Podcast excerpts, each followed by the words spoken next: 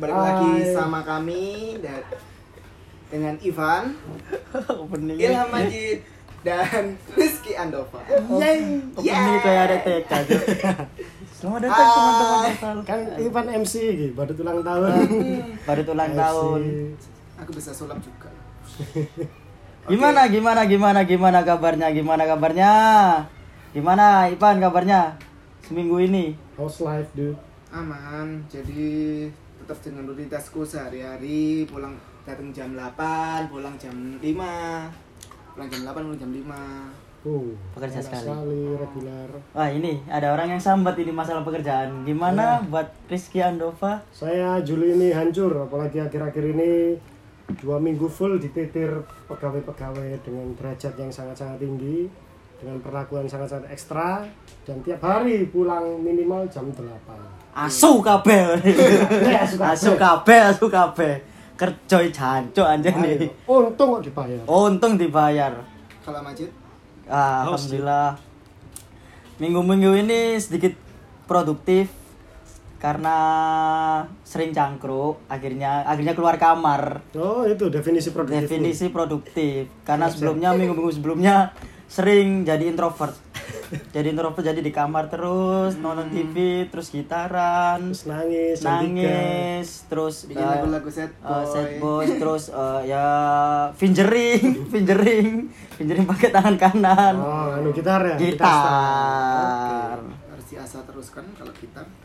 Oke, masuk ke top 40 seperti biasa. Top 40 seperti biasa. Ta- minggu kemarin kita juga udah jelasin kalau setiap awal kita mau mulai podcast, kita bakal jelasin top 40 yang lagi hits. Kebetulan minggu kemarin top 40-nya agak meleset ya. Sedikit. Sedikit Top- meleset. Top 20 ya kira Top 20 Jadi top 40. lifestyle. Iya. Langsung ke top 40. Mungkin dari Ivan dulu ada apa? Top Oke. 40 minggu-minggu ini. Jadi kan hari ini kan itu apa namanya? Ulang tahunmu dulu. Enggak. Jadi ada berita yang cukup mengiris hati karena Gunung Tangkuban Perahu lagi meletus. Jadi kita ya, jadi kita harus berdoa untuk keselamatan warga yang ada di sana. Oh, Amin. tapi Tangkuban Perahu gak sampai nyebabin gempa ya? Nah, itu kan cuma Ya di sekitarnya mungkin. Tapi aku baru tahu kalau Tangkuban Perahu itu aktif, gunung aktif. Aktif. Iya, aku ya baru tahu. Kayak promo gitu modelnya. Kayak promo. Oke. Next, Majid.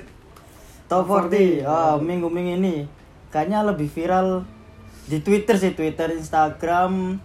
Jeffrey Nicole Oh, iya. tersangkut kasus narkoba. Sih, tapi Ganja. tapi jujur ya, sebelum masuk ke topik kita itu nggak tahu. Aku sama Ipan, aku tadi ngobrol sama Ipan ini nggak tahu Jeffrey Nicole itu sebenarnya siapa. Nah, ini buat serius serius ini. Aku tahu ini Nicole Kid- Kidman. Nicole Kidman apa gitu? Kidman. Kidman. Kidman. Jadi Jeffrey Nicole ini salah satu artis aktor sih dia lebih tepatnya aktor muda Hmm. berbakat Wis. di Indonesia. Ini bener beneran berbakat dia, Hmm. potensi potensial banget. Hmm. Cuma sayangnya dia Aku searching sih. coba coba searching, coba searching. Terus habis itu? Dia sudah pernah sering main eh main di beberapa film ya kebanyakan romance sih. Hmm. Romance cuma yang film terbarunya ini garapannya Om Joko Anwar dia Oh, Gundala. bukan, bukan. Kalau Gundala KPN masih jauh. Bukan aja Wiro Sableng kan. Stormbreaker. Jadi si Jeffrey Nicole ini salah satu aktor muda berbakat di Indonesia yang sebenarnya potensial, cuman sayangnya dia beberapa hari kemarin tersangkut kasus narkoba. Dia tersangkut kasus ganja. Mungkin nih analisisku, Hmm. dia sedikit niru Robert Downey Jr. Oh. Dulu kan dia pas tahun 96 pernah tersangkut kasus narkoba juga, Hmm. heroin sama kokain, Oh, sama iya. kepemilikan senjata api, ilegal kan. Ah. Tapi setelah beberapa tahun dia akhirnya jadi most iconic Iron Man yang pernah kita kenal. Yes. Oh, di rehab gitu ya. Nah, direhab. Ya mungkin Jeffrey Nicole beberapa tahun lagi nasibnya bisa sama. Ya. Ya, who knows? Ya kita doakan aja. Kita doakan aja. Every sin has a past, every every sinner have future. Wah, Yeay. dalam banget. Itu. Apa itu? Apalah itu pokoknya. Terus Andova mungkin ada yang lebih hype lagi. Oke.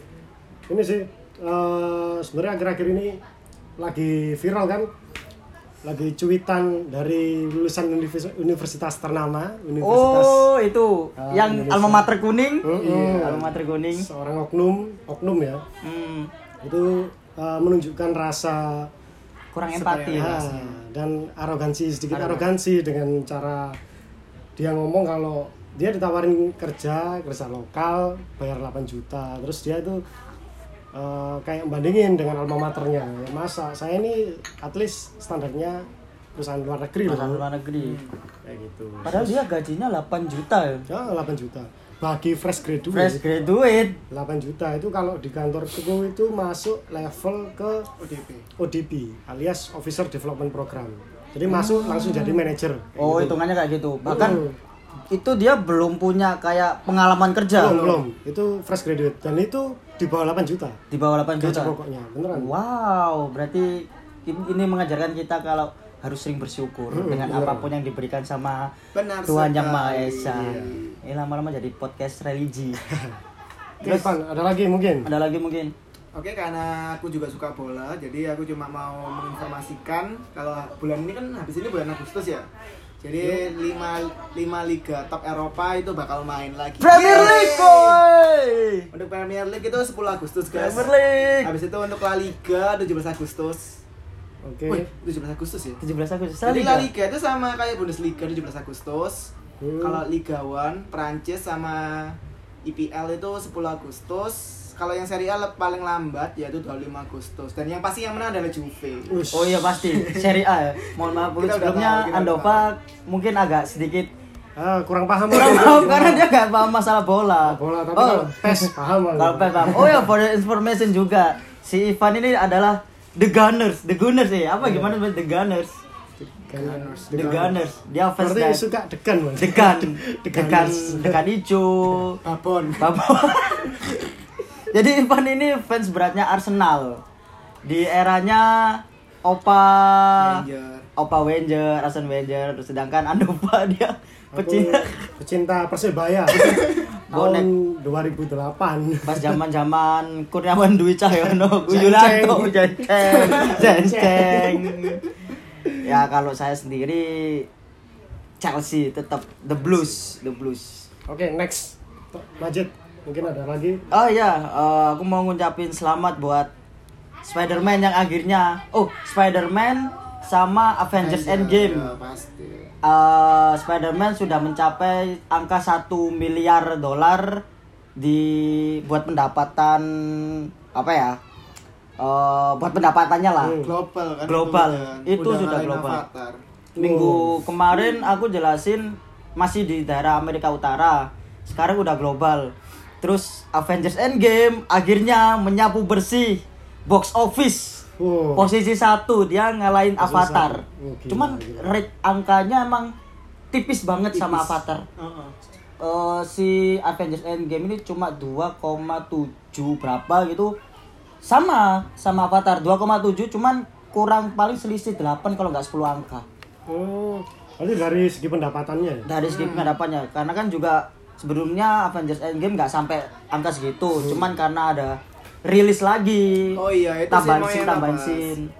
Jadi dia kayak mau nambahin karena mungkin pendapatan yang di take di pengeluaran pertama itu kurang, dia ingin mengalahkan Avatar, akhirnya dia buka lagi. Ah, bukan lagi dan ditambahin scene. ditambahin. Ah, ah. Nambahin scene. Oh, ditambahinnya itu ya. ada scene-scene yang kita nggak dapet pas rilis pertama. Terus tambah juga di situ ada post credit scene-nya. Kalau di Avengers Endgame yang pertama kan nggak ada post credit scene. Hmm. Langsung bener-bener title sama penghormatan buat aktor-aktornya. Hmm. Yang rilis lagi ini ada post credit scene-nya ya nggak seberapa penting sih nggak ada sambungannya sama Iya film sih. selanjutnya menurutku. Andova gimana? Aku lanjut. Ini kan tadi ngomong masalah movie. Hmm. Movie yang masalah pendapatan dipegang Avengers ya, Endgame. Avengers Endgame. Nah, tapi aku ngomongin dari sisi rating dari IMDb. Oh, Oke oke oke. IMDb. Kalau IMDb rating tertinggi itu masih dipegang sama Shawshank Redemption. Asli. Eh, Shawshank gue loh Redemption. itu. Asli. Film tahun 94. Jadi buat teman-teman yang belum pernah nonton Shawshank Redemption, suka movie aku rekomen itu. Soalnya percuma lu nonton film tapi Nggak tahu. nonton film rating tertinggi versi IMDb. Itu Shawshank Redemption. Tapi kayaknya kalau anak-anak sekarang yang mungkin hitungannya udah tumbuh berkembang Hmm. di dunia film kayaknya udah tahu semua sama Shawshank Redemption. harusnya tahu. Harusnya film dengan plot twist yang Mind oh blowing. shit. So mind blowing. Itu Dan sampai semua. shit itu garapannya siapa? Sutradaranya gue lupa. Joko Anwar. Bukan lah. Seorang Joko Anwar men tahun segitu dia masih jualan bakso paling. enggak Enggak ya. Armani eh akhirnya Ipan ngomong jorok. Akhirnya Sugiono akhirnya already out. Akhirnya padahal buat episode ini aku pengen jaga omonganku cuma Ipan menem- memancing. Gak bisa. Oke, hari ini kita bakal bahas apa kira-kira? Oke, ya mungkin habis ini kan kita akan bahas masalah salah satu pembahasan yang cukup hangat yaitu adalah bullying. Oh, boleh. Hmm, jadi mungkin kalian yang pernah menjadi atau menjadi pelaku atau korban bullying pasti nanti akan senang untuk mendengarkan. spe- spellingnya bullying apa Iya, bullying? bullying apa bullying? Masih kok Bullying kayaknya. Bullying ya? Bullying. Ha, bullying. Bully. Oh ya, bullying ya berarti ya. Bullying. Kayak game PS2 ya bullying. Wow, itu Iya. Angkat skateboard. nguploadin itu sendiri. Karena isu-isu bullying ini emang dari dulu udah Hmm. sempet eh, hangat banget, Hmm. cuman nggak terlalu terekspos, Ya. nggak terlalu terekspos. Padahal bullying juga kita sering nemuin ya, Itu sudah terjadi dari zaman kita kecil zaman ya. kita Ya. kecil Istilah bullying, eh berarti belum ada ya bullying itu istilahnya. belum ada. belum ada. Kita dulu apa nyebutnya? Ngetrek. Iya, Ya kalau dalam bahasa Jawanya, bahasa Surabaya, Surabaya ngetrek-ngetrek, Ya, dietrek-etrek. di etrek-etrek lah. Di etre etre. Di etre etre. Airnya dibunuh sih. Airnya. Anjing. Asu Ah, kabeh. bening. Ah budak. Bekas utah, bekas soto. Jadi bullying ini emang kayaknya sih akhir-akhir ini mungkin periode 2-3 tahun ke belakang mulai anget lagi ya. Hmm. Terutama kayak kasus-kasus ospek di suatu lembaga pendidikan, terus eh, antara senioritas sama junioritas. Nah, juga. Kita juga mau bahas ini karena sebentar lagi momennya ospek ya. ospek terus habis itu diklat-diklat organisasi ormawa apa ada diklat-diklat untuk anak-anak SMA juga kalau mungkin itu dia Iya. dapat osis atau Oh iya LDKS. LDKS, LDKS, LDKS. Nah ini menurut kacamata kalian berdua, kira-kira bullying ini eh, emang harus ada atau enggak? Biasanya kalau ada kan buat pressing mental lah, Hmm. pressing mental. Tapi menurut kalian gimana? Dari Ivan dulu. itu yang tersistematis dong otomatis enggak kalau kita bahas dulu bahas masalah bullying yang dilakukan perorangan ya mungkin itu kalau waktu kita kan Oh gini aja. bully terjadi kan dikarenakan ada orang yang superior superior Merasa sama yang superior. Ah, ah, inferior. Oh ya definisinya lah definisinya. Jadi ya sama kayak senioritas sama junioritas Iya, tadi. itu juga bisa Tapi biasanya kalau bullying ini nggak nggak pengaruh sama orang yang superior sama ke orang yang eh gimana ya nyebutnya ya non superior inferior Iya. Inferior. inferior. Biasanya kalau teman sebaya pun kayak kita bertiga ini Hmm. juga berlaku bullying Iya. kayak gitu. tapi bullying konteksnya adalah jokes itu beda dengan bullying yang memang di itu ya Ah. ya apa kayak yang ditujukan untuk menghina pernah gak sih kalian lihat di Instagram ada anak kecil cewek yang dia itu viral gara-gara dia itu kerjanya itu ngais-ngais sam ngais-ngais sampah terus kemudian dia dibully di video sama anak kakak-kakak kelasnya Hmm. terus kemudian dia itu ditanyain jaket ini ininya tasnya tasnya kok jelek banget sih terus habis itu dia jawabnya pokoknya aku itu kerja sendiri gitu loh ini kan Oh. biasanya anaknya agak lucu kayak yang main bobo tapi versi cewek itu loh mesin poninya kayak Kayak Dora. eh kayak Dora Kayak Dora. Dora Milaje. itu kan udah konteksnya adalah pembulian di mana itu kayak menjatuhkan har- itu ya kayak mentalnya dia kayak gitu Ya, sih yang tujuannya untuk merendahkan gitu kan. Hmm. kalau untuk kayak kami kan kita biasanya kan jokes eh kamu kok Galau terus. Nah, ah. itu kan ah lu goblok eh, itu. Itu termasuk bullying apa enggak? Misalnya ngobrol-ngobrokan teman. Bisa jadi. Ya ber ya apa ya? Ya bisa jadi juga sih kalau itu adalah sebuah bullying karena kan verbal yang negatif itu kan termasuk yang mungkin bisa menyakitkan hati kan?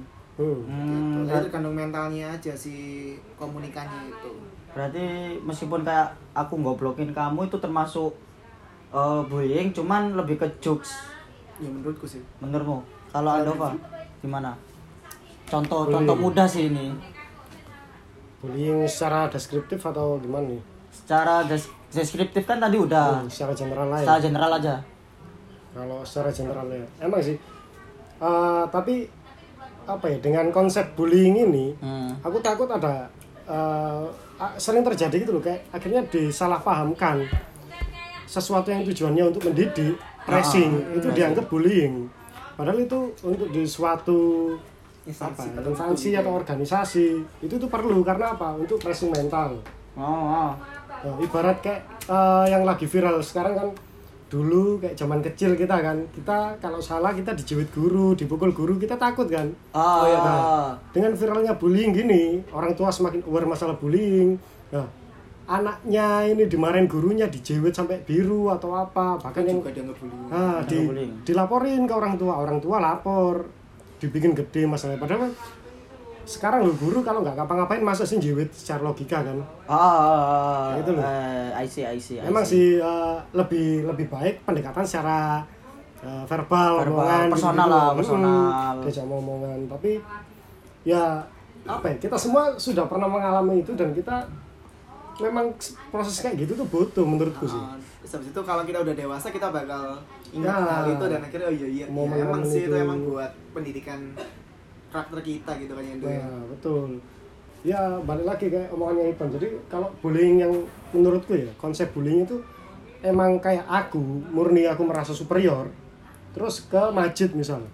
Cok aku mesti. aku aku menginferiorkan Majid Eh, jadi Majid nggak ngapa-ngapain dia tak pressing dengan cara tak jadikan inferior Babula ini. nah gitu aku itu eh, ngehina Majid ngehujat ngelek-ngelek Majid terlepas dari unsur jokes ya tapi itu lebih kayak ke sesuatu yang pengen kayak ibaratnya kalau bahasa Jawa itu pinta pulau soro Majid Pengen digawe soro lah. itu digawe soro Disikso. Nah, disiksa gitu-gitu. Nah, kalau menurutku itu beda konsep sama kalau kita di organisasi. Dulu di tempatku waktu pencak silat sih. Dulu pernah viral juga sebelum ada istilah bullying ini. Ada pencak eh, organisasi pencak silat ini latihan. Kalau pencak silat emang wajib fisik, Ya. Hmm. pasti fisik. Oh, Karena kan prakteknya, emang dia setiap hari kan emang bakal fisik hari. Dan untuk kita ujian naik sabuk beda sama anak unas unas kita belajar materi untuk otak kan tapi kalau ya bela Pencak diri ah, pencak silat emang belajarnya dari fisik nah kan pernah kejadian tuh yang dulu viral itu peserta meninggal waktu Oh, ada itu. oh dulu ada waktu tes tes kenaikan sabuk itu ada Ada. Mm-mm. meninggal nah itu kan sampai diusut apa terlalu keras atau gimana gitu. Hmm. Nah, ya bukan bermaksud untuk menyudutkan salah satu pihak. Cuma kalau menurutku, aku kalau sama pelatihku, aku kalau mau dikasih tahu jadwal ujian, ibarat ujian tiga bulan lagi, persiapan fisiknya dari sekarang, ibarat belajarnya dari Oh, sekarang. oh, berarti jauh-jauh hari ya. Hmm, ibarat sehari itu apa SPB, sit up, push up, back, sit up, push up, back up itu sehari misal 20. Hmm. Tapi karena kita mau ujian, ningkatin Ningkatin. jadi 50 Wow. kayak gitu itu gitu nah untuk orang-orang yang kayak eh, eh, sorry itu saya yang nganggep ini tuh wah ini kelewatan fisiknya kelewatan atau apa loh Dia belum siap untuk me- nah, Itu kan, ya. bro maksudnya kamu itu emang ibaratnya kamu dituntut untuk jadi pendekar jadi orang kuat Ah, nah kalau kamu sendiri tuh dengan mentalmu yang seperti itu dan kamu nggak pengen berusaha untuk jadi kuat ya, Ya, buat apa ya kamu buat harus apa? lulus ya kamu di stuck di sabuk itu pun ya nggak masalah Ya, kayak gitu Iku resiko lah, Resiko. resiko. Ah, Tapi bener gak sih menurut kalian? heeh. eh misalnya kita dulu kecil, kan ini kalau bahas bullying nanti nyabangnya banyak tuh. Ada yang kayak aku pernah baca karena dia dari dulu sering dibully, pas dia udah gede, dia itu akhirnya kayak ada eh bukan cacat sih, minder.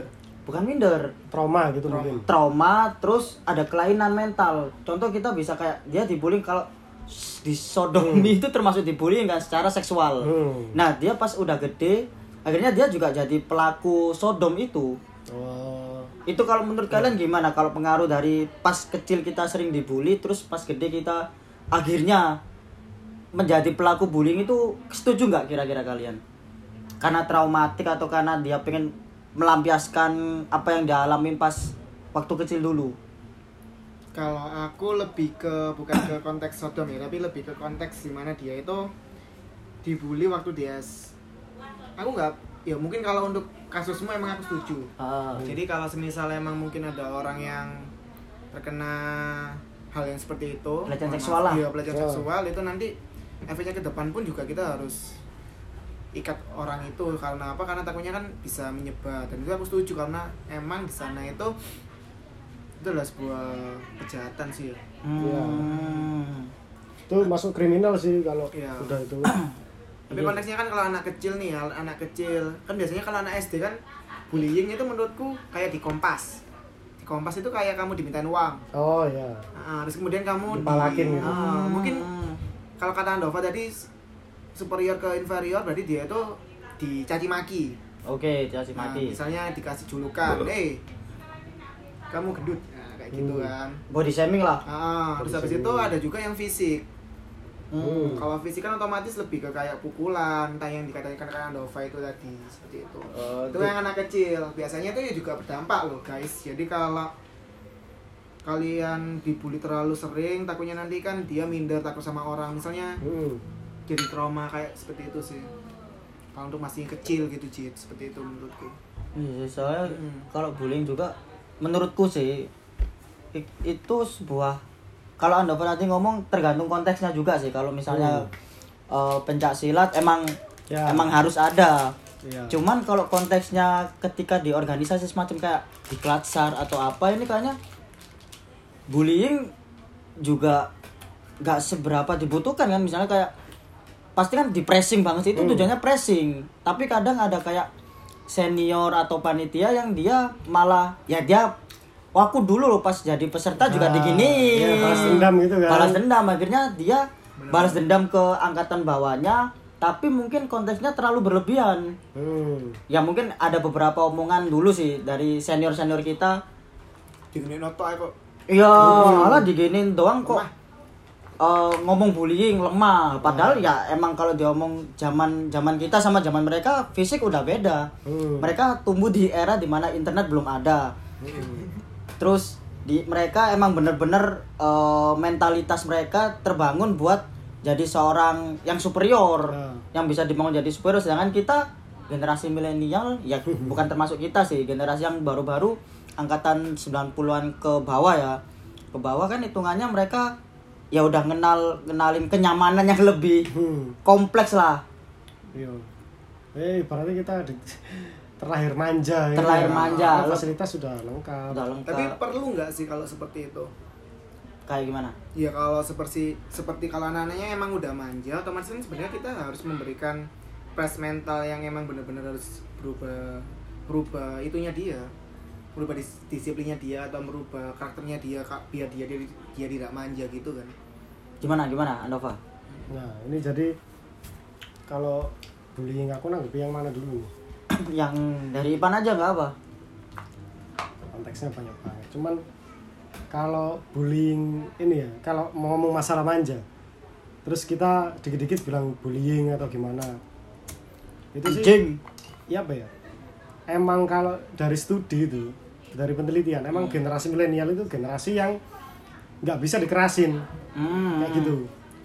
Itu yang bilang eh, dari head headku kepala kepalaku di kantor Ah. itu juga dia bilang makanya sekarang kan budayanya itu dialihkan ke budaya milenial soalnya kenapa milenial ini nanti ke depannya yang bakal mimpin perusahaan ini oh bukan iya, yang iya. generasi kolonial Oh, sekarang kan kolonial, yang kolonial. mimpin jadi Oke. mereka ibarat dia curhat, curhat sendiri dulu itu aku kalau ada anak salah tak marahin dia dia nurut Hmm. aku pun dulu gitu aku dulu diomongin gini nurut aku gini nurut ini apa salah aku dimarahin aku nurut. Tapi kalau anak-anak sekarang walaupun dia nggak tahu salah nggak tahu benar pasti dia berusaha untuk ngelawan dulu. Ya pokoknya Kenapa? dia aku lo kritisnya Kak, kritisnya ya. berlebihan lah hitungannya. Pertama kritis. Hmm.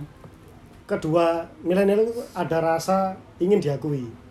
Hmm. rasa ingin diakui itu di semuanya. Makanya uh, sistem untuk treatment teman-teman yang milenial sendiri berbeda gitu. itu berbeda. Ha-ha. dan para pejabat-pejabat juga itu ngerti fenomena ini sedang terjadi. Dan apa kalau curhatannya para head head itu ya sumpah sih maksudnya. Aduh bingung aku ngadepi milenial ini oh iya sempet kayak gitu? Mm-mm. ngadepi milenial itu bingung dikerasin Ah. gak dikerasin bel- apa melenceng jauh. Jadi gimana caranya?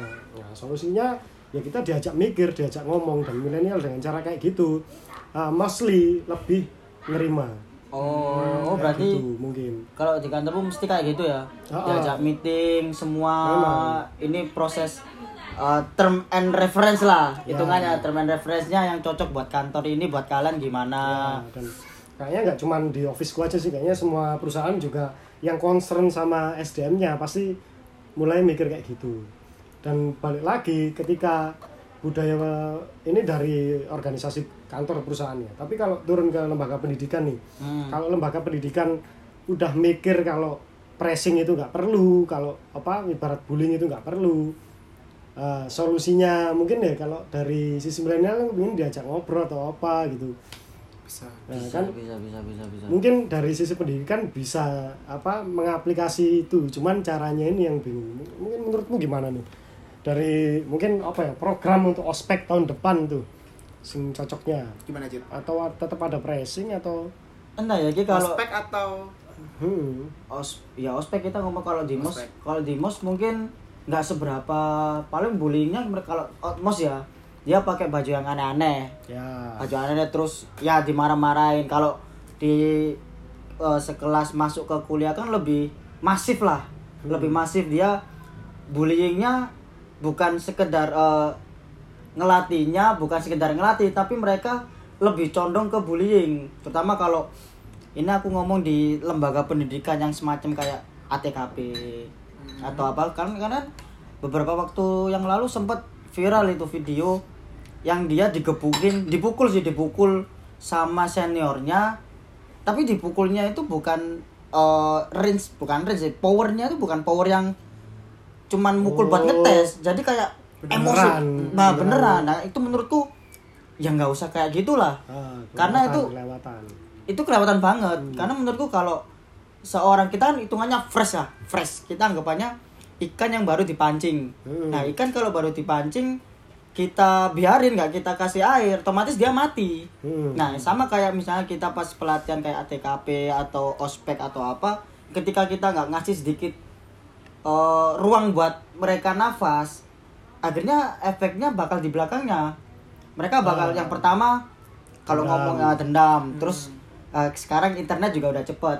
Mereka bakal Oh. jelek-jelekin. Ngeviralkan. Oh, iya. memviralkan itu termasuk bullying eh, elektronik bullying elektronik kayak gitu. Terus para SJW SJW SJW SJW yang abal-abal. yang merasa mereka eh, pasukan sosial. Yang lulusan SH semua SH mendadak. semua mendadak. Like a hot mereka man? bakal langsung nyerang. Padahal sebuah konstitusi bikin kayak gitu ya buat pressing Ya. bukan buat nyiksa si anggotanya. Cuman aku juga masih bingung ini sebenarnya di aturan pemerintah itu ada apa enggak proses uh, pressing atau bullying ini udah ada di undang-undang atau enggak? Atau belum kalau ada? menurutku ada karena waktu aku SMA SMA pun dulu itu bukan mos tapi los. Los. Apa itu? layanan. Jadi kayak bukan masa orientasi siswa tapi layanan orientasi siswa. Jadi dengan kata-kata M sama L itu kan udah berbeda banget kan? L itu layanan jadi kita dilayani. Hmm. jadi itu nggak ada unsur yang ya itu ya yang kita pressing tapi itu. Pressingnya itu nggak yang pressing banget sih nggak yang dipeluncu yang disuruh disuruh jalan jongkok Hmm. jongkok itu nggak se mungkin itu sanksi untuk mereka yang telat. Nah, kedisiplinan. Oh, kita disiplinan. lebih menekankan Ah. kedisiplinan kok kalau waktu SMA aku ya dulu yang ya dulu, dulu waktu SMA disiplinan. Tapi aku baru denger sih LOS ini. Hmm, kalau SMA 6 dulu gitu. waktu kuliah pun juga masa lu nggak ngerasain kalau dulu itu kita mah nggak ada ospek. nggak ada ospek? Nggak ada ospek coy kampus kita iya kampus kita ya kampus kita. Kayak pengenalan biasa ya. Iya, PPK. program PPK kampus. iya. Iya sih iya karena juga udah nggak ada seperti itu.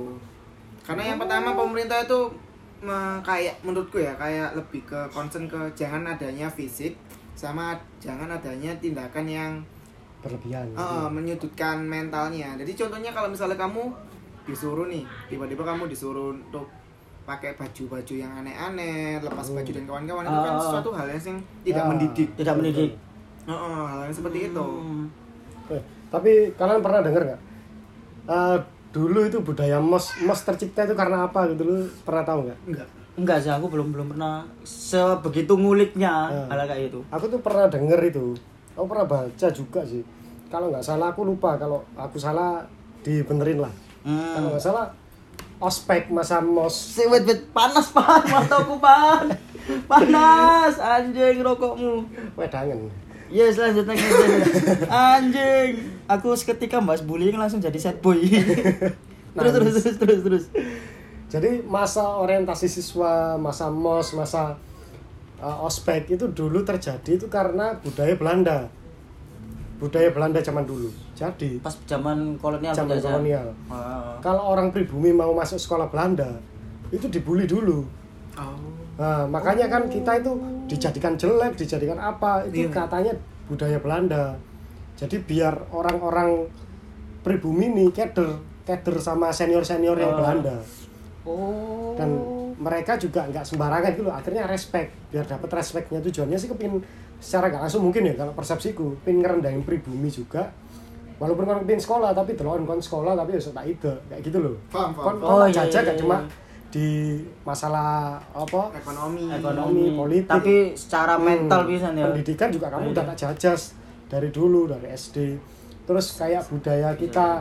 ingat gak dulu SD itu berdiri bersiap beri salam iya, iya, selamat iya, iya. pagi bu. Nah, kenapa sekarang kita kalau salam kok nunduk? Selamat pagi bu. Padahal budaya Indonesia mana ada kita salam nunduk? Kalau bukan budaya Jepang oh iya. Oh, nunduk gini ya. Oh Ah, iya iya iya. kan kita dulu gitu sih. Diri bersiap. Beri salam. Selamat pagi bu. Sambil nunduk. Oh, iya, itu katanya iya, budaya iya. Jepang. Sense, make sense. yang masih dipakai. Terus baris di depan kelas juga. Itu juga kalau nggak salah masih ya budaya-budaya zaman Ya, so aku pernah lihat kok ada kayak filmnya Dalan eh Kiai Haji Ahmad Dahlan itu kan. Hmm. beliau kalau mau anak-anaknya masuk dia tuh baris terus salim ke ah gurunya gitu kan Oh, berarti termasuk budaya bullying nggak gitu ya? ya lu tujuannya kalau nggak salah dari Tujuannya. Belanda itu emang niatnya bullying tapi semakin ke sini mungkin semakin uh, arahnya bukan ke respect gitu uh, ya. uh, kayak budaya lah kayak kita itu ada sesuatu yang memorable aku dulu Oh. ospek kayak gini aku ospek kayak gini Tapi ngomongin masalah zaman Belanda, kayaknya sih meskipun nggak secara pengen orang pribumi pengen sekolah di luar ya, Hmm. Kita pun juga udah dibully dari dulu kan ya, Hmm. dari zaman zaman Belanda, zaman Jepang, Portugis, kita dijajah di tanah sendiri, itu hitungannya juga udah bullying, ya. Iya. Iya kan? Ah, ah. Make sense kan? secara masif secara Masif. ya secara masifnya kan kita secara nggak sadar ya, secara alam bawah sadar. Oh alam bawah sadar. Aduh nggak massive lagi super massive Cuk. super massive black hole. Ceng ceng ceng ceng ceng berarti kan otomatis ceng men lo ayo tangan backsound. Ojo ta. Berarti emang terutama orang Indo ya orang Indo emang dari zaman penjajahan pun ya kita udah dibully.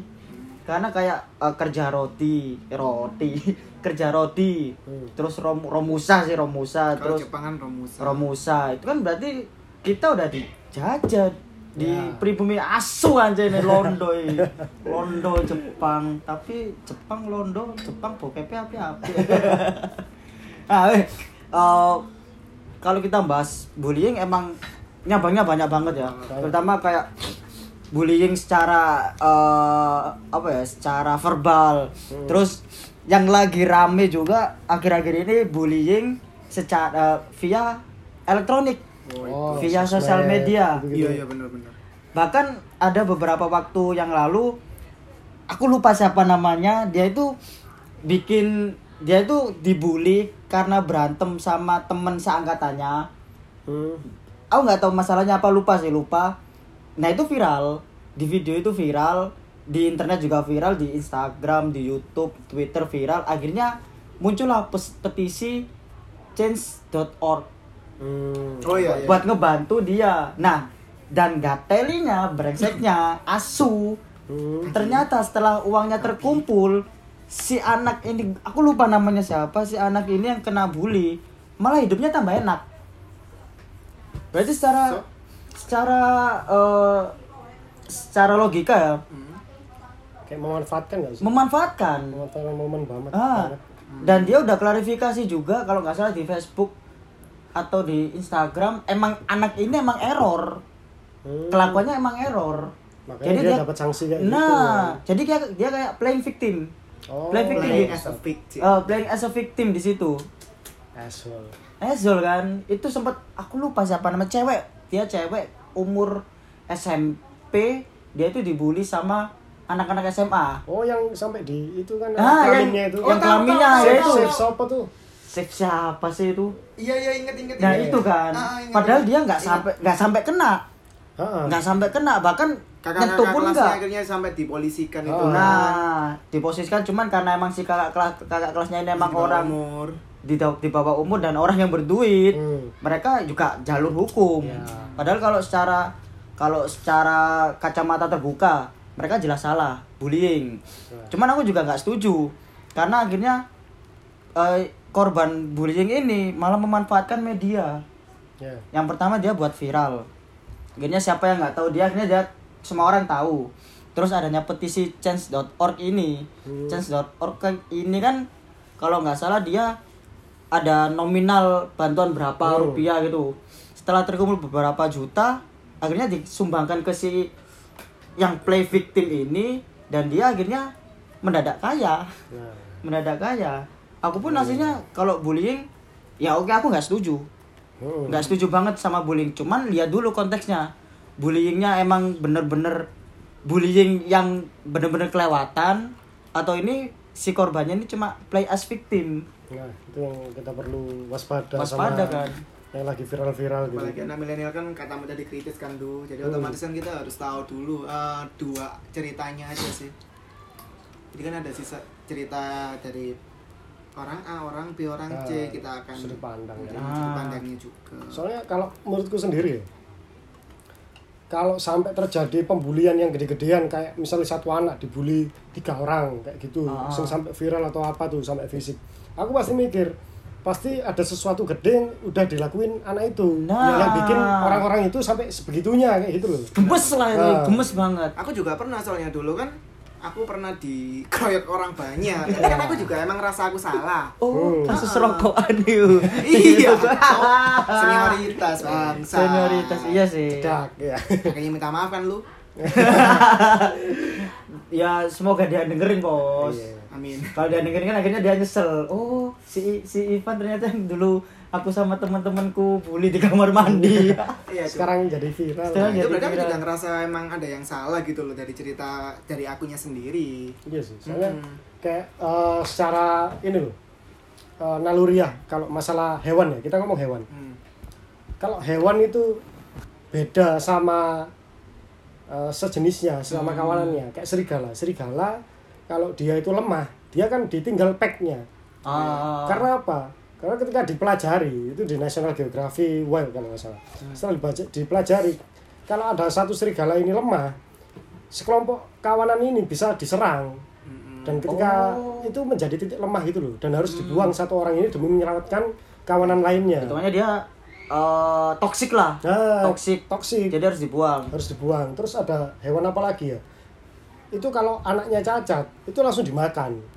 Oh iya itu ada sih ada itu ada, ada, dibunuh, ada, ada. dimakan kayak gitu. Tahu. ular itu ada kayak gitu ular Hmm. tahu gue kayak gitu ada Oh, aku tahu itu penyu. Jadi kenapa kok penyunya itu ninggalin karena emang dia itu itu bukan itu ya, tapi seleksi alam ya. Jadi Hmm. dia tuh kayak memilih anak-anaknya yang emang bener-bener kayak udah siap. Jadi dia tuh dibiarin. Hmm. Kenapa Oh. kok dia nggak itu, nggak nggak ngerawat, eh nggak ngerawat, sampai nggak ngerawat anak itu biar nanti soalnya takutnya nanti kalau Ya. dia di hidup di dunia lepas dia tuh nggak kuat.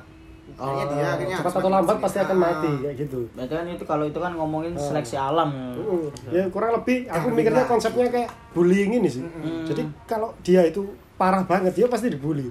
ah Kayak, kayak kita semua lah, kita kan pasti pernah lah membuli, menjelekkan satu orang yang emang dia itu kebacut banget kan. oh pernah sekali Iya kan? sering sekali malah Nah, kita sendiri juga uh, menjalani bullying kita.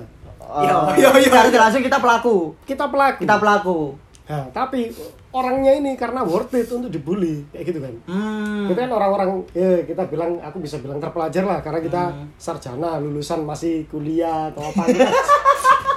aku Aku salting tuh ngomongnya. langsung awkward awkward moment. Ya. Speechless aku Pokoknya speechless. kita kan eh, menempuh jalur kuliah ini kan kita pemikiran logika Ah. udah makin mateng ya. Dan kita untuk sampai membuli orang terus-terusan apa kita nggak mikir kayak gitu. Ah. Pasti kan kita mikir, tapi Iya. balik lagi ketika kita udah mentoler mentolerir terus berulah lagi, tolerir, berulah lagi dan emang dedengkotnya ini penyakitnya. Jadi ya gimana lagi namanya mulut kuat kan kalau nggak Yes. Kadang aja Seperti teman kita yang selalu ada dalam bahasan kita. ya. Mm-mm. Orang yang selalu dalam bahasan kita. orang dalam cerita Orang dalam cerita, cerita adalah nanti kalau kalian mungkin beberapa teman kita mungkin paham siapa si doi ini kita nggak akan nyebutin di podcast kita. kalau kalian pengen tahu kita kumpul aja. Oke, oke. Last but not least, aku mau ini sih eh, pengalaman bullying yang pernah dialami teman-teman sebagai korban. Singkat aja sih Aku pernah sih dari dulu. Dulu ini SMP sih SMP SMP.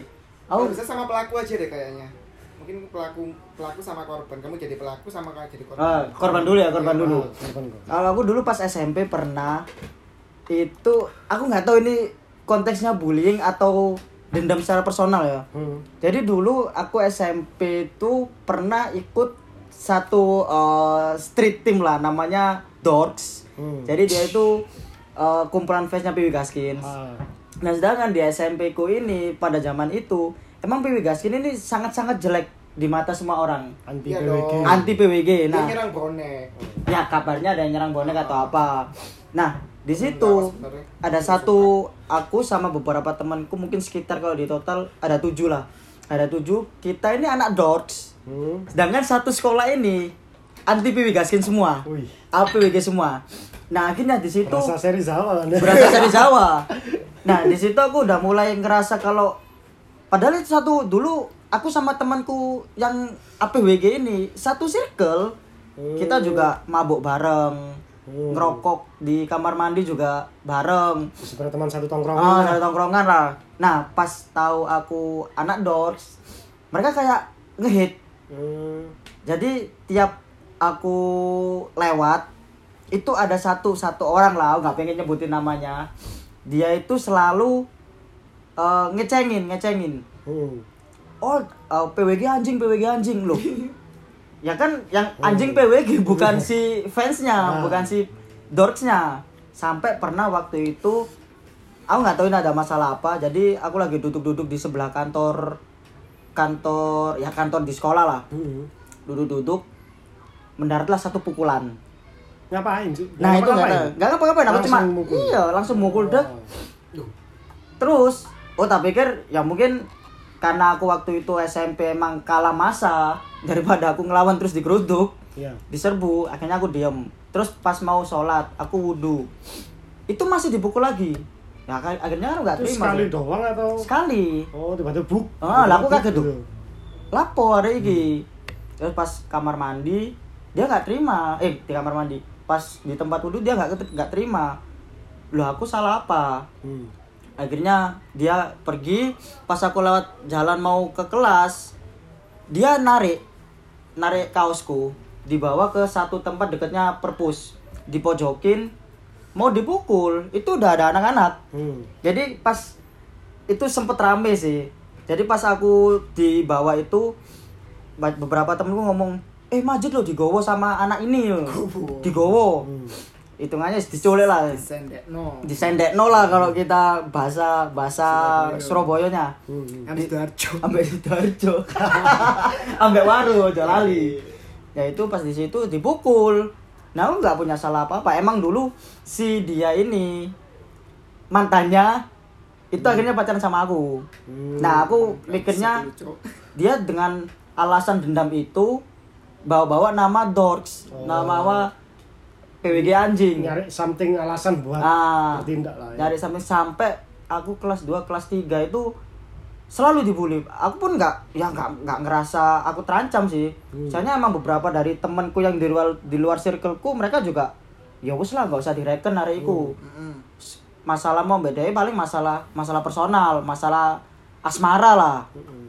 clear sampai situ pas ada grup reunian dia masih kayak say hello tapi bukan say hello yang sopan. Jadi kayak cok opo ini? Loh aku nggak salah opo? Sampai aku tanya ke temanku rek aku nggak salah opo senang hari ini? Wah gak ngerti paling ya masalah bien ya aku oke lah. In case aku sampai sekarang udah nggak pernah ketemu dia dan nggak pengen ketemu dia karena emang kalau ketemu dia hitungannya ya udah emosi banget Hmm. karena pasti ujung-ujungnya bakal berantem. Tapi kalau teman-temanku yang SMP juga paham lah siapa si doi ini. Itu dari segi korban. saya korban Segi sekarang korban. segi pelaku nih Segi pelaku ini kita es- exclusively on podcast ya kita exclusively on podcast. Jadi sebagai pelaku dimulai pas kuliah. Pas di pas di kuliah entah karena circleku emang orangnya brengsek-brengsek atau apa, kita tiap lihat orang eh, yang unik-unik unik-unik, Nah, yang unik-unik, kita selalu justifikasi. Hmm. Ada bahkan sampai yang paling ngawur ya teman kelas. Dia Dit, rumah Dit. Adit, rumah Dit. jadi dia dia dia punya cacat cacat bukan cacat sih mungkin dia kayak penyakit jadi salah satu telinganya ini agak agak closing door. Oh. nggak closing door. Mungkin masih kepagian mungkin mungkin belum masih buka. kebagian perlu didot digedok dulu. Assalamualaikum. Mungkin pindah yang sebelah sebelah kan buka kan? Dan itu salah satu contoh. Itu masih awal. Terus akhirnya eh, semakin kenal-kenal sama beberapa warga kampus secara nggak langsung tumbuhlah jiwa-jiwa bullying karena merasa di kampus wah aku superior temanku banyak. Hmm. jadi kalau aku ngebully si anak ini otomatis aku aman. Karena di Iya. belakangku juga teman-temanku nggak suka sama dia. Ya kita akhirnya ngebully bahkan sampai sekarang pun jujur kadang aku masih ngebully salah satu orang di kampus. Hmm. di kampus. Karena aku pun ngebulinya bukan kan tanpa alasan. Karena dia emang fuck up banget Hmm. dia omongannya bisa dibilang kalau istilah Surabayanya Mendukur. dukur, gambas, dan yang lain-lain. Kita kan akhirnya terpancing buat Nah. ngebully dia. Ya itu contoh singkatnya karena aku ngebully juga karena ada sebab dan akibat juga karena dulu pas masa SMP aku sering kena bully. Tapi bulinya bukan bully yang kayak ah apa kayak misalnya masalah strata atau apa atau masalah Ah, apa. soge, Oh, oh, soge. iya. nangis itu miskin miskin miskin Kenapa aku kok soge sih, cowok? Iya, Aku dibully, cowok. Terus kayak gitulah. Mungkin ya itu singkatnya sih. Buat mungkin Ivan, Ivan dulu apa apa dulu? boleh deh Ivan, wah iya aku paham nih. Dikuaplogin nang kamar mandi kita masuk bullying masuk Termasuk. Jadi dulu senioritas sih kayak di kuli SMA aku ya. Jadi waktu itu aku Entar ya. Heeh. dulu pernah kayak di itu sih di sendek no di sendek apa ya dikumpul disuruh ke kamar mandi kamar mandi lalu dituturi sama kakak-kakak kelas gara-gara aku adalah anak kelas 1 yang berani sa- satunya anak kelas 1 yang berani rokokan di lantai dua toilet cowok yang itu dikuasai oleh kelas 2 dan itu aku tidak sopan sih katanya katanya sih aku duduk di atas jadi atasnya duduk di tempat sampah cuk Iku dianggap di atas Si, si, si, si, aku aku mikir duduk di atas tempat sampah. ya itu tempat sampahnya aku kayak tutupan gitu Si tutupan itu, loh. si Ah, pencetan aku. Oh. Lalu sebelum kelas aku udah keluar, aku di sana aku rokan set. Sebenarnya ada kakak-kakak kelas. Aku seingatku sih aku kalau itu aku langsung duduk di bawah gitu kan. Saya kira sendek no. Terus itu Lancar. hari yang sama atau enggak maksudnya Enggak. oh Oh. Terakumulasi. terakumulasi Wow. Akumulasi Cuk. emang kebacot berarti Kebaca berarti. Kenapa kok aku berani? Karena aku punya kakak senior kelas 3 kan. Jadi otomatis waktu aku setelah dibully itu aku lapor ke kakak kelas 3, anak kelas 2-nya itu aku dikumpulin sama anak kelas 2, aku disuruh nunjukin siapa hmm. pelaku-pelakunya. Ya wes, akhirnya dia minta maaf. Beres. Tapi mataku lebam, cuk, sakit itu, itu cuk. sampai rame loh Cuk. Iya. itu aku belum kelas 1 awal-awal masih belum tahu Ivan cuma wis rame Ivan Ivan narik kelas iki P2 P2 eh 10 2 10-2. 10 2 diantemi gak kelas dulu wong kaget sampai depan ini wis korban kecelakaan lho jadi nang ngarep itu ruang vir- viral Viral karena kebrengsekannya. Iya, Cuk. itu sebagai korbannya kalau sebagai Pelaku. pelaku pelaku. Kalau pelaku dulu pernah paling lucu sih aku waktu SD. Jadi aku pernah punya pembantu. Terus tiba-tiba waktu di aku tidur dibangun sama pembantuku, ternyata ada orang tuanya temanku. Aku inget aku itu. Aku itu bully dia, itu tak suruh lepas celana di depannya cewek-cewek di kelas. Wih, itu asli Wah, dulu. asli. Terus akhirnya aku disekoni, Jos. cok. Aku diseneni, cok. terbaik Baik sih. Coba aku biyen tau niat koyo ngono tapi males cuy ya cuy dua titik lanang cuy. akhirnya aku sobat aku kan suruh sih ah coplon celanamu akhirnya wonge sumpah cok wonge MS ku mrene nyanyi nyanyi kan deket sampai pembantuku kan dulu itu orang tuanya terus aku disenen-seneni itu buat mamaku cok coba buat mamaku. Yo dilaknat balik anak anakku SM. satu-satunya. iya. Nah kalau untuk SMP dulu itu juga lucu sih. Aku tuh bully anak baru. Bully anak baru tak bully ilo-iloan kelek teles cok kan teleknya dia teles gede gitu kan. Tak bully-bully terus akhirnya kenapa akhirnya aku mantel dia tuh badannya besar kalau kamu tahu nama panggilannya tuh bison cok oh Woi, Bison. bisa. Jelas gede. Jelas yo. Kan, bisa aku kan superioritas kan ya itu unsur bully kan jatuhnya kan unsur superioritas Hmm. aku mukulin cok tes habis itu aku tuh mukul bola balik dia aku cuma tangannya di nangis nangis nah, itu na- enggak Wah. nangis dia cuma ke kepala gini Hmm. Tes. Aku balik badan kan ngerasa udah menang gitu kan. Aku dipukul dan aku langsung jatuh cok puang di KO iya cok sakit kocok-kocok aku akhirnya bala aku kabeh terus arek nyar kan soalnya Oh. kan. Arek yo gede Ya aku mikirku Ipan, oh akhirnya Ipan rek pernah mengalami pengalaman mukuli orang. Tapi ternyata ya langsung Ini- TKO. kau cok Baru tuh wantong kelengker di sini. Iya. Mortal Kombat finish him belakang soalnya. Itu dia juga pan- pernah punya masalah sih sama temanku dari tipe tipe tipenya dia tuh emang dia nggak mau di depan enggak Oh. dia tuh diem cuma anak-anaknya rada gak teli Cuk. dia tipe dia itu diem tapi setelah mereka lawannya lemah dia langsung mukul kayak gitu Hmm. udah sih itu terakhir dari Dupi Anda apa? Kalau aku mungkin kalau masalah bully aku sangat-sangat sering dibully itu waktu SD. Jadi aku ibarat dari masa pendidikan ya, mau dari TK sampai sekarang masa-masa yang aku nggak pengen itu masa-masa SD. Soalnya di SD kan dekat rumah. Dan dekat rumahku wis gitulah. Bukan me- bukannya menstereotip cuma kebanyakan teman-temanku yang eh, blok M dia tuh karakternya kayak gitu. Walaupun ada teman-temanku yang yang lain itu baik-baik. Eh, kan banyak yang resek-resek. Jadi aku tuh bulinya tuh nggak sekedar kayak bully apa eh, hinaan-hinaan Ah. itu sih maksudku nggak sih biasa aja yang lebih parah aku tuh kayak merasa dimanfaatkan dimanfaatkan oh. kayak kan aku dulu pinter juara kelas Oh iya iya. Ah, Mas pasti itu di- pasti. dimanfaatkan kayak Pasti. ini suruh ayo nyontot gini gini iki lo iki ndelok terus kayak kerja kelompok itu mesti eh, ibarat eh, kan kita ada kendal ke siji kendal keluru gitu kan Ah. kendal wah itu mesti sing kendal kendal iku geleme kelompok nambah aku dan aku pun nggak bisa berkutik waktu itu nggak bisa berkutik nah, cuman terus pada akhirnya aku pinter berhubung aku mikir kekuatanku itu adalah di iki apa personaliamu. bukan Oh, pinter Akademik, di akademik. Ah, akademik. Sama aku itu kan ibarat sanggungku lumayan lah dibanding teman-temanku. Ah. Gitu. Itu jadi aku tuh kayak teman-temanku yang resek-resek kan pasti punya kacung-kacung. Nah, kayak yang Hmm. kedua juga ada kacung-kacung sama Melo. Nah, kacung-kacung ini tak rekrut. Wih, Dia tak kasih, ayo aku beliin jajan, tak kasih duit seribu. Ayo tak beliin jajan kan beli lukisan.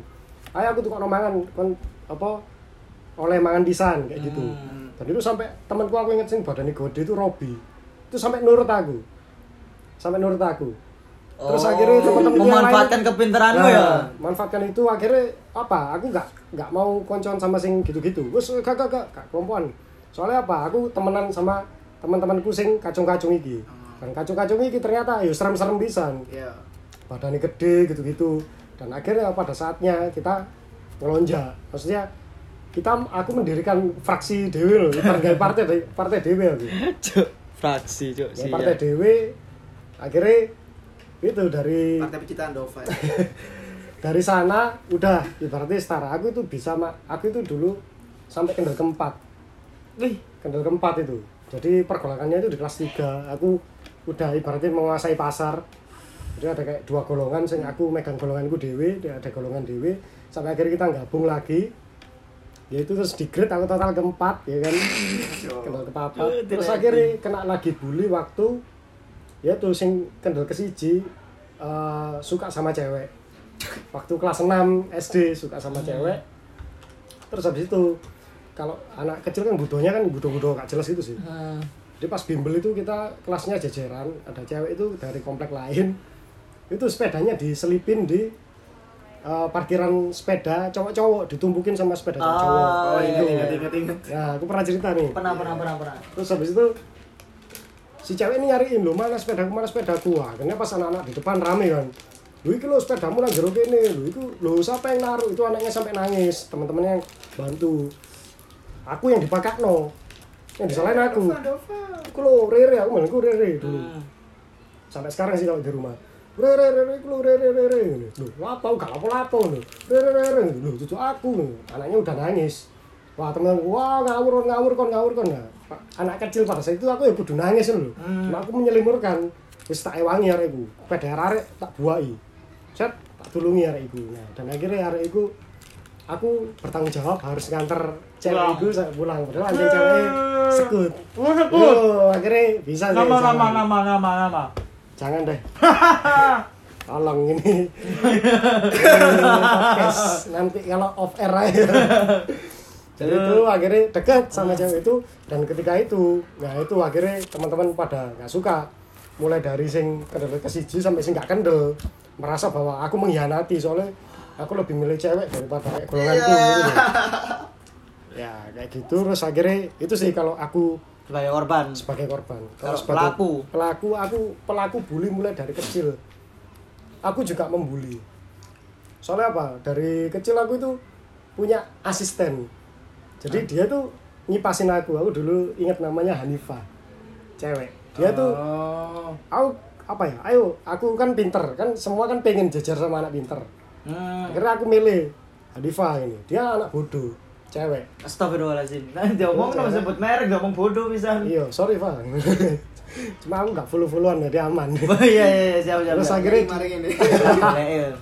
terus akhirnya dia tuh mesti ngipasi aku beliin jajan terlepas dari teman-temanku yang tak beliin itu tapi Hanifa ini nggak menuntut apa-apa bahkan awal-awalnya HP baru smartphone itu itu aku HP-nya aku yang megang. Saking juragannya aku. Dia beli aku yang megang. Main sing apa bi atau apa itu loh yang nyocok-nyocokin apa itu. Gamenya smartphone lupa deh gua. Gitu. Itu terus sampai sampai SMP SMP nggak seberapa sih. SM, SM, SMA kayak gitu. Maksudnya teman punya teman-teman yang padahal nggak minta tapi suka rela sampai adik kelas kayak gitu kan rela mengerjakan tugas ya ya, ya wis oke lah gitu Terlalu sampai, brengsek. sampai kuliah yang ketemu Iya. sinyo bencong kayak gitu jadi Pintar eh, mencari asisten. Asisten. konklusinya oh aku pernah yang paling parah itu SMA singkat aja jadi ada anak melas itu ya anak gak lapo-lapo deh itu kayak kita cangkruk berempat gitu ya dia satu Berempat kena tiga. Si Misal. misal kita bertiga sama anak satu ini yang dibully Oh iya. Kan kasihan kalau kamu Oh, iya iya. Nah, satu, satu anak ini dia tuh mesti melas dia tuh cuma urun guyut tok gak lapo-lapo dikongkon-kongkoni diloi-lokno kayak gitu kan dan yang paling parah kita bikin julukan dia padahal nggak ngapa-ngapain saking wajahnya melas aja kita ngecap dia Yatim. Astagfirullahaladzim. Padahal wong tuane lengkap. Wong tuane lengkap, dia ngomong yatim. Coba celana yatim. Aku pernah bodoh sama dia. Ya Allah. Cuk, wih cuk yatim cuk. Itu kita lagi ngelono. Dan yatim. Los. Raimu iku lho, anjir. Yatim Wajur wis. cuk, wajur cuk ya Allah. Itulah. Ayo parah. tapi. Jadi konklusinya kalau dari aku ya. Jadi bullying itu kita pasti pernah sebagai pelaku, pasti pernah juga sebagai korban. Korban. Secara nggak sadar yang kita mau mikir atau enggak, kita pasti pernah jalan itu. Terlepas dari siapa pun kita. Mulai dari yang bullying yang secara langsung atau nggak langsung. Kayak gitu kan. Nah, menurutku sih bullying konklusi ya bu- bu- bullying seharusnya nggak ada Hmm. karena eh dampaknya ketika orang dibully dia ngelahirin trauma Hmm. nah trauma kan akhirnya munculnya nanti pas beberapa tahun ke depan ngaruh ke mentalnya dia Ah. nah itu yang jelek Bias, bisa jadi dia mentalnya eh ya psikopat sih bisa ujungnya ke psikopat karena dia sering dibully itu sih don't bullying Hmm. Oke. kalau dari mana Kalau aku sih bener katanya Luffy, aku juga setuju kalau semisal kita pasti pernah bully sama pernah dibully. Bully juga. Namun kalau untuk konteks di mana ini adalah sebuah ini aku bahas masalah itu ya untuk alumni-alumni muda yang sekiranya akan menjadi alumni-alumni di suatu organisasi. Organisasi, iya. Nah, kalau untuk yang pembulian seperti itu sebenarnya kita nggak masalah untuk mendidik, namun itu jangan tunjukkan kalau kita itu orang yang tidak terdidik. Ah. ah iya iya iya Jangan dengan iya, cara yang iya. barbar kayak gitu lah. Ah, cara yang barbar kemudian kalau bullying untuk di sebuah organisasi angka baiknya kita hentikan untuk tertawanya jadi menurutku bully yang bagus adalah bully yang emang menuntut dia itu untuk berubah tanpa adanya unsur entertain ke diri kita sendiri jadi Ah. ada kok yang guyu-guyu deh kan akhirnya gak, gak apik kan loh situ sih Intinya intinya untuk yang membangun lah kalau bisa.